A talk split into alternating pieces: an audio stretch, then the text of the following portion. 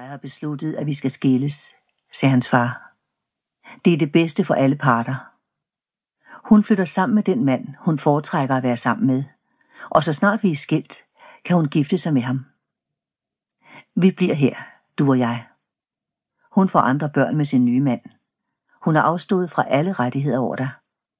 Der kan du se, hvor meget hun holder af dig. Men du er min søn, min arving, min eneste lille søn. Gaius så sin fejl i ansigtet for bedre at forstå. Hans verden blev tyndere og tyndere for hvert ord, mere og mere fattig. Som om de havde skåret hans mor ud og smidt hende væk, som om hun helt var forsvundet. Det kunne ikke passe, hun bare var flyttet uden at sige farvel til ham. Kommer hun aldrig mere tilbage? spurgte han.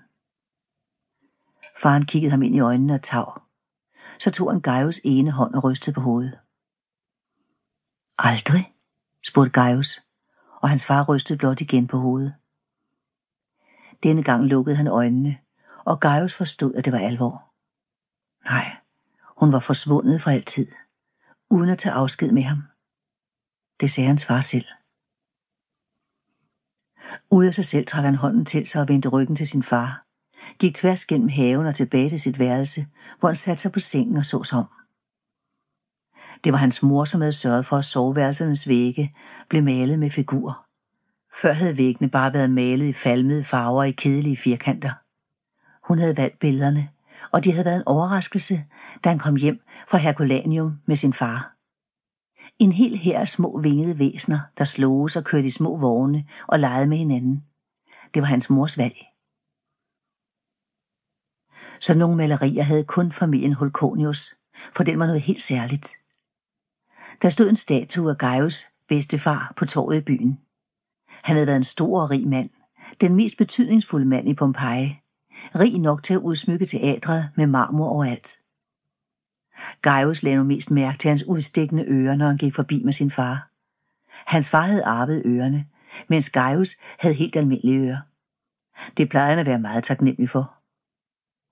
Nu var alting ændret. Hvis bare han vidste, at han lignede sin mor. Gaius kendte ikke navnet på alle slaverne i huset. Nogle havde bare en funktion og viste aldrig deres ansigt. Han vidste ikke engang, om de alle kunne tale. De fejede og passede køkkenet og forsvandt skyndsomst, når man nærmede sig dem. Men hans far havde købt pædagogen Platon til ham. Og selvom Platon var en syvsover, kom han ind til Gaius med sine bøger og spurgte, hvorfor han ikke var klædt på endnu. Det var jo sent om morgenen. Min mor er rejst, sagde Gaius og kiggede ned på bøgerne. I dag vil han hverken læse eller undervises. De har også glemt, at de lovede mig en hundevalp, tilføjede han. De to ulykker gjorde kun hinanden værre. Ja, fruen er rejst, sagde Platon og rejste sig. Men den lille herre må ikke falde af på det af den grund. Den lille herre skal gøre sig umage. Ingen lærer noget ved at være doven. Platon havde langt ulet hår og skæg, og stemmen trængte ud fra virvaret. Platon var fuld af mærkelige og gammeldags udtryk.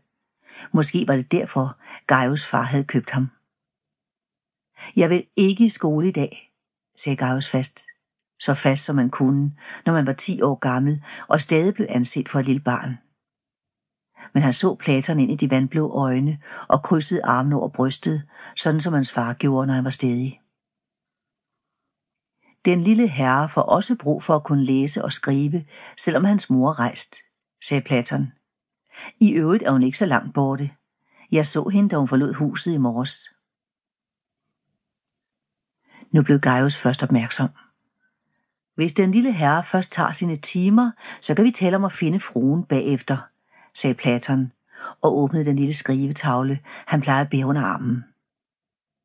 Gaius vidste, at han blev narret, men det gjorde ikke så meget mere. Nogen vidste, hvor hun var. Hun var ikke bare forsvundet. Hun var på vej et sted hen. Det betød også, at man kunne finde hende igen. Det lykkedes Gaius at skyde tankerne om sin mor og hundevalpen til side, mens han stavede sig igennem vanskelige tekster. Platon mente, at det var rent tidsspilde at sætte ham til at kigge på noget, han allerede forstod, og gav aldrig lektier for. Man skulle lære i timerne, ikke før og efter, sagde han.